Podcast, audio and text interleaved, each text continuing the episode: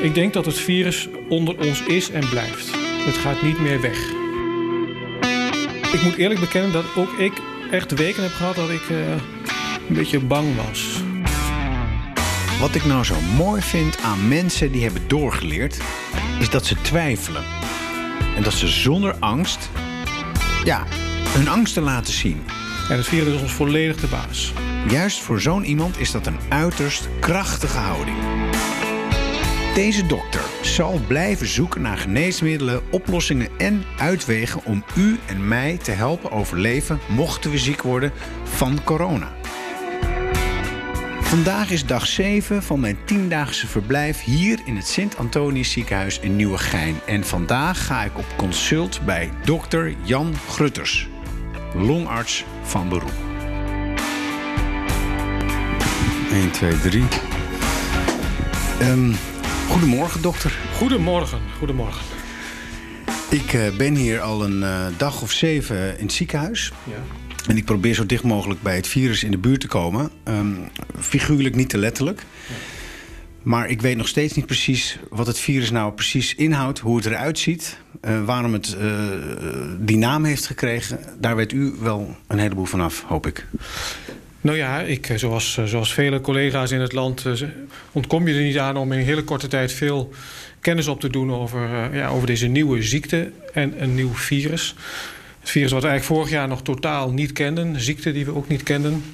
Dat is ons nu goed bekend, helaas. De naam van het virus is officieel SARS-CoV-2. Dat is, ja, het is een coronavirus, een vorm van coronavirus. Ja, en corona is toch Spaans woord voor kroon? Ja, kroon. Dat is een beetje de vorm die uh, het virus zelf heeft met, met, uits, met spikes aan de buitenkant. Dat ziet er een beetje uit als een kroon. En daarom heeft het die naam gekregen. Maar coronavirussen zijn niet nieuw op zich. We kennen al jaren of al heel lang coronavirussen die verkoudheid geven. Ja, dat is bijna vertrouwd. Dat is, dat is vertrouwd en ook onschuldig. Maar dit is een compleet nieuw, nieuwe variant. En deze is veel gemener. Veel gemener dan die andere die we kenden van gewone verkoudheden. Nou bent u arts en onderzoeker en natuurlijk altijd bezig met wat er gebeurt in het vakgebied.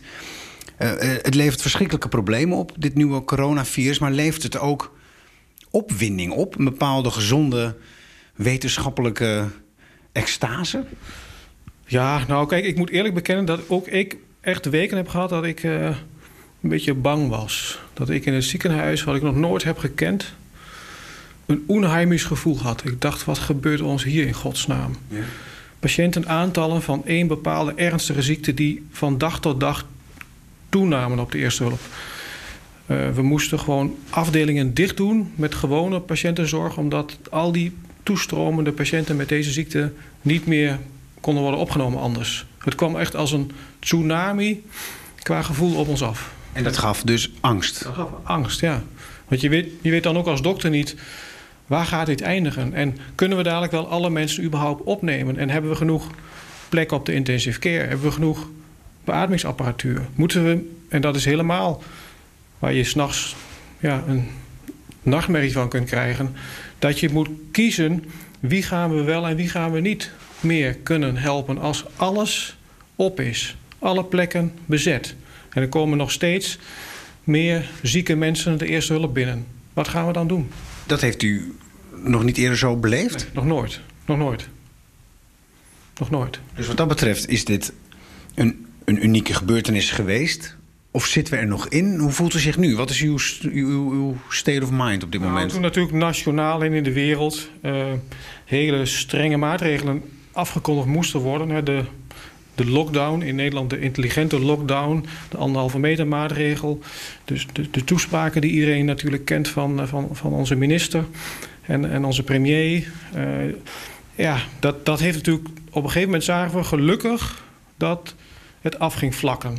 Het, we zagen ook in die weken dat het af ging vlakken qua nieuwe aantallen patiënten. Dat, het ook, dat we het gevoel kregen, ja, hè, het, uh, het gaat niet het scenario zwart worden. Dat doemscenario. Omdat de samenleving, Omdat de samenleving uh, meewerkte. Meewerkte, exact. En bestuurders ook een verantwoordelijkheid Precies, namen. Exact. Want uiteindelijk staan jullie, hoe goed opgeleid en, en hoe goed uw onderzoek ook uitvoert toch machteloos. Dat virus is ons dan de baas. Absoluut. We krijgen, ik heb het wel eens een paar keer gezegd, eigenlijk van de natuur, van de biologie, een geweldige draai om de oren als mensheid.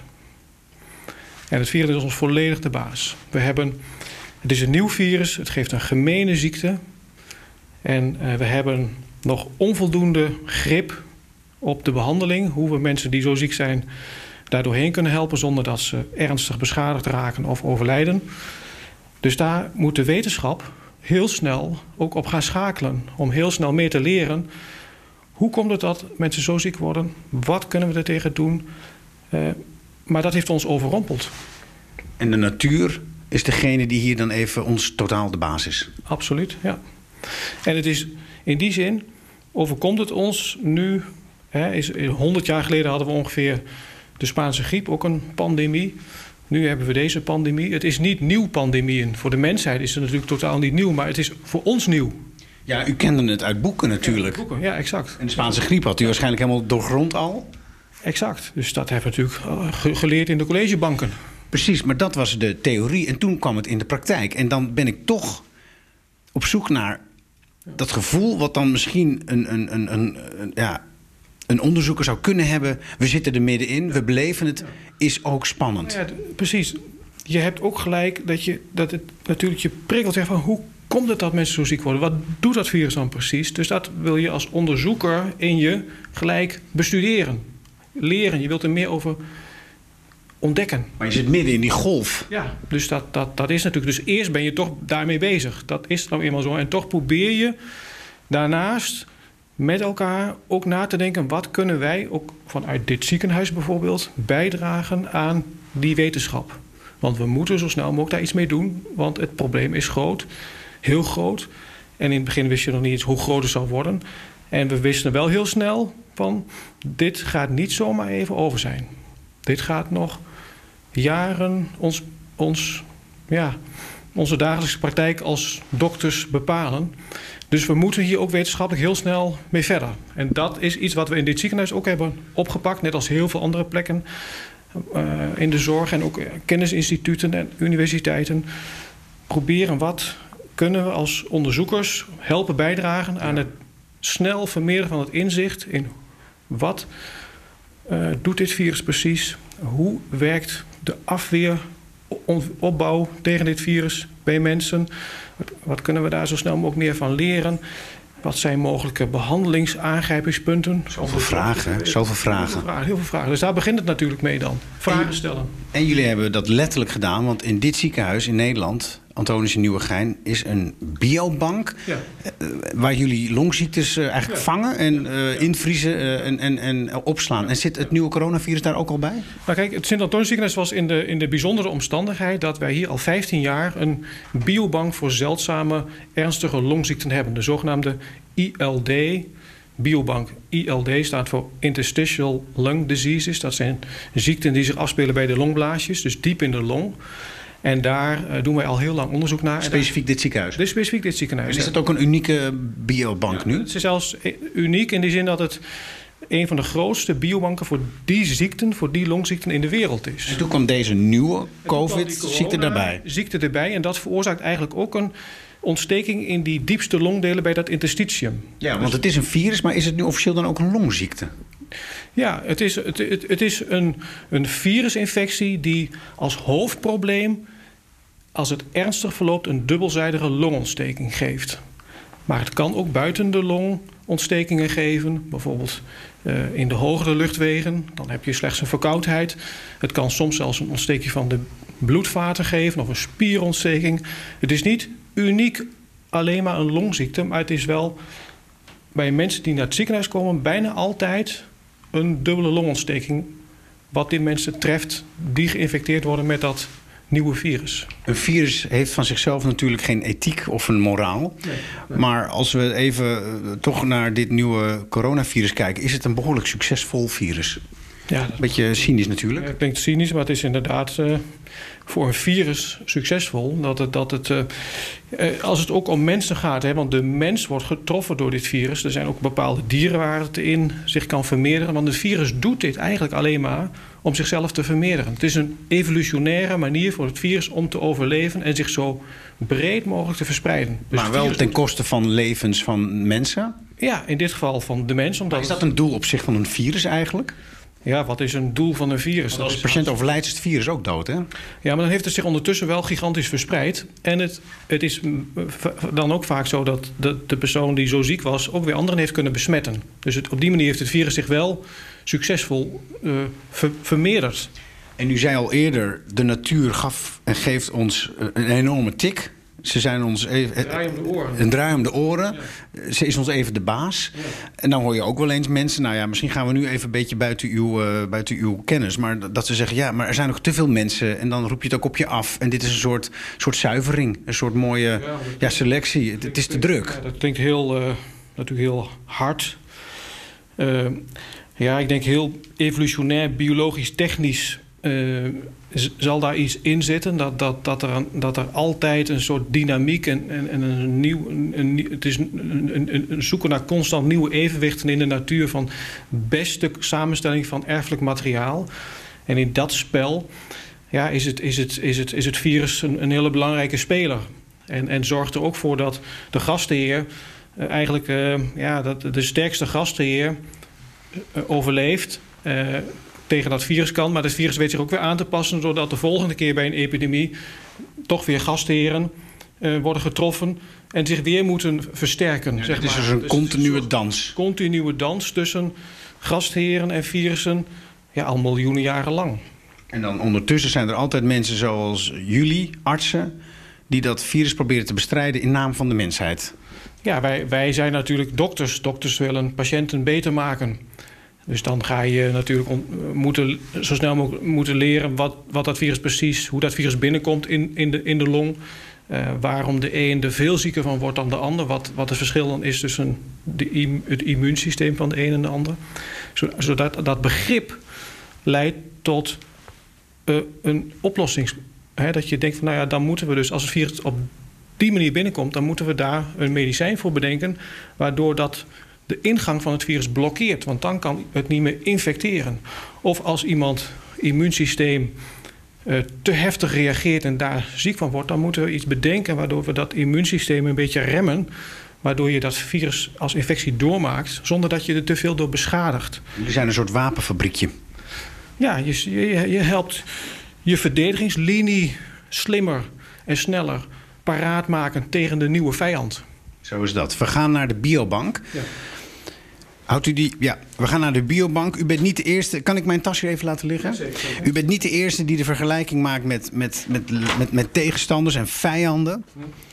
En um, ja, uh, vechten zo, zo u wilt. Wat je ook vaak hoort. Goedemorgen, we lopen even over de poli. Hallo. Wat je ook vaak hoort is een, een, een gemeenschappelijke tegenstander verenigt ook ons in onze strijd tegen die tegenstander. Heeft u dat ook gevoeld in dit ziekenhuis? Heel sterk gevoeld in het ziekenhuis ook. Er was echt een heel erg schouder aan schouder uh, mentaliteit. Waardoor we ja, in die eerste weken heel snel met elkaar, uh, ziekenhuisbreed, onafhankelijk van de discipline, beslissingen namen. Ja, waarvan we ook later dachten dat had in elke andere tijd nooit gekund op deze manier zo snel. Beleidsbeslissingen, bepaalde afdelingen dicht doen. Uh, ja, uh, maatregelen in het ziekenhuis uh, die ziekenhuisbreed binnen een dag werden, werden ingevoerd. Dat is ook een mooie kant. Ja, dus dat is een heel, ook een hele bijzondere kant, absoluut. Het is, het, is, het is mooi, vind ik het niet een goede woord, maar wel bijzonder. Bijzonder. U, ongekend. Zo is dat. Hier links, hè? Hier gaan we even links, ja. ja. Goedemorgen. Ja, dit is de gang eigenlijk naar de fysiotherapieafdeling. Hier was vroeger halverwege een, een klein zwembad voor de revalidatie van patiënten. En een paar jaar geleden hebben wij de, die ruimte uh, toegewezen gekregen als biobankcommissie. Omdat we eigenlijk uh, uit onze ruimte groeiden. We hadden meer vriezers nodig om de materialen te kunnen verzamelen. En met subsidie van de overheid, van ZonMW, hebben we die biobank kunnen verbouwen en vergroten. In een klein zwembad? Ja, het was dus eigenlijk een oud zwembad, maar dat is helemaal verbouwd. Oké, okay. oh, hier staat ook biobank. Even kijken hoor. Biobank vriezerruimte. Ja, het is hier uh, waarschijnlijk fris hier binnen. Ja, ja, ja, zeker. Ik open hem nu. Hij is echt ge gelogd, gelokt. Dus daar moet speciaal uh, toestemming voor zijn om het te kunnen openen. Ja, zijn er mensen die Iedereen dit zouden willen... Nee, absoluut, dat kan niet zomaar. Want zou iemand dit willen stelen? Nou, dat zal niet zo snel gebeuren. Maar het, het is natuurlijk allemaal patiëntenmateriaal. En patiënten hebben hier toestemming voor gegeven. Dus daar wil je ook heel zorgvuldig en eh, integer en volgens alle regels der eh, privacy mee omgaan. En je zou er ziek van kunnen worden. Ja, dat zal ook niet zo snel gebeuren. Oh, gelukkig. In principe zou theoretisch zou het ook nog kunnen dat je besmet raakt van materiaal wat hier opgeslagen ligt. Dat is inderdaad mogelijk. Eh, maar goed, dan moet je wel hele rare fratsen uithalen hier. Rare fratsen. Zoals eh, min 79 Celsius, serieus? 1, 2, 3, 4, 5. En aan de andere kant staan er ook nog een stuk of 8 vriezers. Dat zijn de zogenaamde min 80 vriezers. Eh, min 80 wil zeggen dat het in die eh, grote vrieskisten met die, staan, die rechtop staan, die zijn eigenlijk 2 meter ho- eh, hoog. Manshoog, ja, zo groot als wij. Iets groter zelfs. Constante temperatuur van 80, min 80 graden wordt gehandhaafd. En in die vriezerruimtes, daar kan het, ik kan het heel snel... Ja, gaat hij open? Ja, dat kan wel. Oh, wacht even. Die gaat nu van een trapje af. Maar even terug, nu even deze. Deze laten we even wat het is. Met deze, Deze deur gaat open.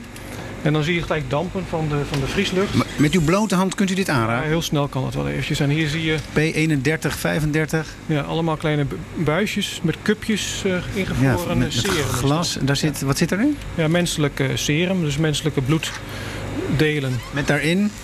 Eh, eiwitten en eh, er zit ook DNA in opgeslagen. En DNA, dat is het erfelijk materiaal van, eh, van patiënten. Dus wij zijn onder andere geïnteresseerd bijvoorbeeld in, eh, in longfibrose. Dat is verlittekening van longblaasjes. Waarom dat ontstaat? We zien dat namelijk bij, eh, bij bepaalde families optreden. En dat, dat, dat is een sterke aanwijzing dat er een erfelijke factor in het spel is. En die proberen we te ontdekken. En daar maken we dus dankbaar gebruik van, van al het materiaal wat hier ligt opgeslagen en waar patiënten en families toestemming hebben voor gegeven om dat te gebruiken voor die wetenschappelijke vraagstelling. En dat is voor jullie, voor eh, ook artsen in het buitenland, Ja, eh, We internationaal. werken veel samen. We krijgen regelmatig verzoeken voor samenwerking uit, uit het buitenland. Om gebruik te maken van, eh, van de materialen die wij hier En verzamelen. komen die mensen dan naar hier of gaat het materiaal naar hen? Vaak wordt het opgestuurd en we hebben natuurlijk ook overleg met hun voortijd over wat, ze, wat, wat precies de vraagstelling is, wat ze ermee gaan doen. We zijn er ook bij betrokken. Ehm, en we hebben dus deze biobank dus ook gebruikt voor de corona-19. Hè, omdat die patiënten ook een ernstige interstitiële longontsteking krijgen, konden ze vallen onder de toestemming van deze biobank. En konden we heel snel schakelen toen die tsunami van patiënten kwam. Dat we van zoveel mogelijk patiënten gelijk ook materialen konden bewaren. Hebben jullie onmiddellijk gedaan? Ja, ja, vrijwel Eh, ergens in deze koelkasten ligt dat nu? Ja, dat ligt ergens, maar ik, ik kan u niet precies zeggen waar dat heb. Dat wordt door de biobankcoördinator allemaal beheerd. Oké. Dus dat, dat, eh, dat, dat weet ik niet exact. Maar het Dus zit, het, dus het nieuwe opgeslagen. COVID... Het, sorry, het nieuwe coronavirus, COVID-19, Ja. zit hier in deze koelkasten en daar gaan jullie Ja, mee aan de slag. Ja, en van patiënten die dus ernstig ziek waren, die daarvoor de afgelopen maanden moesten worden opgenomen op de intensive care, zijn beland, eh, al dan niet, of zijn overleden. En die dus toestemming eh, hebben gegeven voor het gebruik van hun lichaamsmateriaal voor wetenschappelijk onderzoek. Dat ligt hier bewaard. Dus Dat vragen jullie aan die mensen terwijl ze in nood zijn en angst en Of aan de verdriet. familie, dus of aan de familie. Dus ook familie kan toestemming geven voor de patiënt. Vraagt u dat zelf eigenlijk of laat u dat iemand anders vragen? als het polyklinisch eh, vraag ik het vaak zelf. maar op de eerste hulp wordt het vaak gevraagd door, ja, door, door dienstdoende artsen. En op de intensive care door de in- intensivist, eh, die ook met de familie spreekt. Eh, die hebben het ook gevraagd. Zijn er dan ook mensen die dat niet willen? Ja, dat komt ook voor. Dat, dat, dat zijn altijd een, een, een paar van, van de honderd of van de duizend. De meeste mensen, als je goed uitlegt waarom je dit doet en waarom het belangrijk is, geven daar, geven daar toestemming voor. Mensen, Helpt het mensen echt? vinden het heel belangrijk dat, dat er onderzocht wordt wat de oorzaak van ziektes is. Betere behandelingen. Eh, mensen snappen heel goed dat, dat, de, dat de huidige dat do- dokters eh, niet altijd eh, de voldoende kennis hebben, vooral bij nieuwe ziektes, om en dat er nood is aan wetenschappelijk onderzoek. En dat je daar de medewerking voor de patiënt voor nodig hebt. De toestemming om gebruik te kunnen maken van lichaamsmaterialen. Gegevens te mogen gebruiken voor, voor wetenschappelijke studies. Daar, daar, als je dat goed uitlegt, snappen de meeste mensen dat, dat dat de enige manier is waarop je het virus kunt bestrijden. En waarop je andere ziekten zoals longfibrose kunt, kunt eh, gaan, gaan genezen uiteindelijk. Want het heeft nut. Het heeft absoluut nut. En ook in, in, in grotere volumes. Hoe meer, hoe beter. Nou ja, COVID is natuurlijk een ziekte die, die snel heel veel patiënten opleverde. en we hebben daar meer gebruik van gemaakt voor, de, voor de bierbank om, om zo snel mogelijk te kunnen schakelen en op een goede manier de, de gegevens te verzamelen zodat je dat ook mag gebruiken. Het moet ook met toestemming namelijk. De, de zeldzamere longziekten, daar geldt als je het niet verzamelt over vele jaren, krijg je nooit voldoende aantallen om zinvol, succesvol onderzoek te doen. Dus wat dat betreft, ook weer licht cynisch, was het een, een, een soort zegen dat er in, een, in één klap zoveel COVID-patiënten waren? Hadden jullie een, een, een, goede massa aan materiaal? Exact, exact. Dat betekent ook weer dat je, als je, als je het snel schakelt, goed kunt verzamelen, ook in hele korte tijd goed onderzoek kunt doen. Omdat er veel beschikbaar is. Een tsunami, u zei het zelf al, het stroomde jullie letterlijk over de knieën. Absoluut, zo is dat. Over de voeten. We gaan weer naar buiten, want het is fascinerend, maar ook brommend. Ja, zijn de... In het voormalige zwembad van het ziekenhuis hier, de koelelementen. Ja, en daar gaat hij. Achter slot en grendel. En dan lopen we weer even terug naar de poli. Ja. Hoe is het u vergaan tijdens die periode? Kon, kon, u, kon u door blijven werken of had u ook wel last van vermoeidheid? Nee, ik, ik kon. Uh, ja, kijk, uh, longartsen zijn eigenlijk gewend aan, uh, aan natuurlijk heel patiënten met ernstige longziektes. Dus op zich zijn, zijn de patiënten met COVID in die zin niet anders dan andere dubbelzijdige longontstekingen of, of ernstige influenza bijvoorbeeld. En ook het omgaan met, uh, ja, met het risico dat, dat, dat je te maken kunt hebben met, met een patiënt die, uh, die uh, infectieus is, die dus een ander kan besmetten. Dat kennen wij natuurlijk ook in ons dagelijks werk. Daar zijn we altijd al heel zorgvuldig in. Ja. Um, en wij hadden. ja, wij, dus wat wel natuurlijk nieuw was, dat er allemaal patiënten met dezelfde. Longontsteking kwamen in een hele korte tijd. En dat we afdelingen moesten sluiten met gewone zorg. En polies niet meer konden doen zoals we dat gewend waren te doen. Uh, maar in zijn totaliteit was het werk eigenlijk ja, gelijk aan wat we gewend zijn te doen. Maar het was wel wat drukker.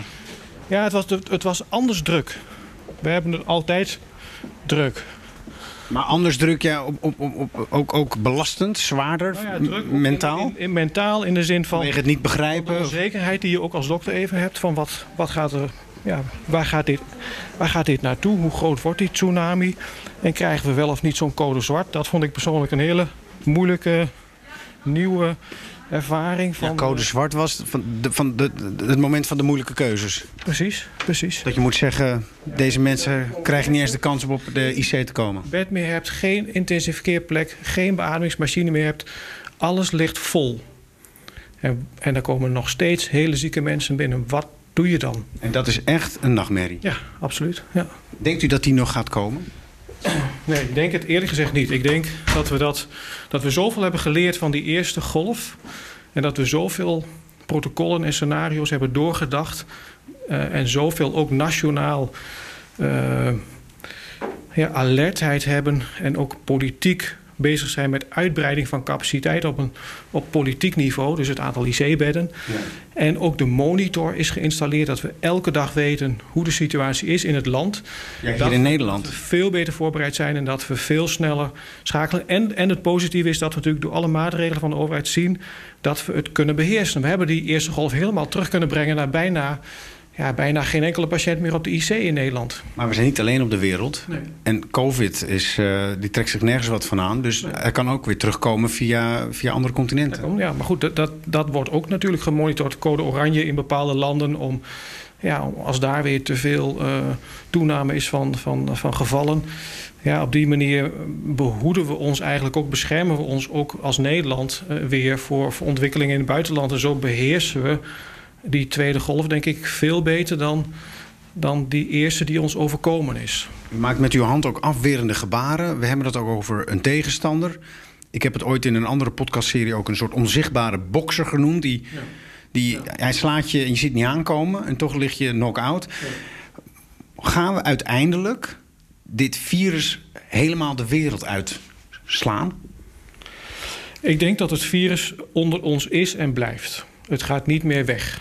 Punt is alleen, krijgen we op, op afzienbare termijn een, een, vac, een vaccin wat effectief is en veilig is, zodat grote groepen of misschien wel iedereen kan worden beschermd tegen dat specifieke coronavirus, net als dat we ook tegen de influenza jaarlijks kunnen worden gevaccineerd en beschermd. Dan, dan kunnen we de, ja, de anderhalve meter maatregel weer loslaten. Want dan is het niet meer een bedreiging voor ons. En dan zijn we beschermd door het vaccin. En is het virus er nog steeds en zal het nog af en toe misschien een keer de kop opsteken bij mensen die zich om een of andere reden niet willen laten vaccineren. Dat zie je net zo goed bij, eh, bij andere infectieziekten. Uh, maar dan, dan, dan, dan is het een van de bekende uh, ja, verwekkers van ziekte in onze samenleving. Wereldwijd. Dus een tegenstander die we, die we inmiddels kennen. Die we volledig onder controle hebben. Net maar die blijft bij ons. Ja, net zoals we de, de, de, de, de mazelen en, en, en, en, en de pokken onder controle hebben gekregen. Geruststellende woorden van longarts Jan Grutters. Hij gaat verder met zijn onderzoek naar het nieuwe coronavirus. Of nog veel exacter, SARS-CoV-2. Een vorm van het al bestaande coronavirus die we maar moeten gaan accepteren als blijvertje. Maar dan moet het virus zich wel laten temmen. Iemand die ook graag het virus onder controle wil krijgen is Katelijne van Breen. Zij is deskundige infectiepreventie van het ziekenhuis. Ik heb dingen meegemaakt waarvan ik niet dacht aan het begin van de COVID-periode dat ik dat zou meemaken. Zo moesten hele afdelingen van het ziekenhuis 100% coronaproof maken. En dat doe je niet alleen met een paar flesjes desinfecterende handgel. Het is niet gewoon klas, klats, ik flats het op mijn handen en het werkt. Dit morgen in dag 8. Dit was dag 7 van 10 dagen Sint Antonius.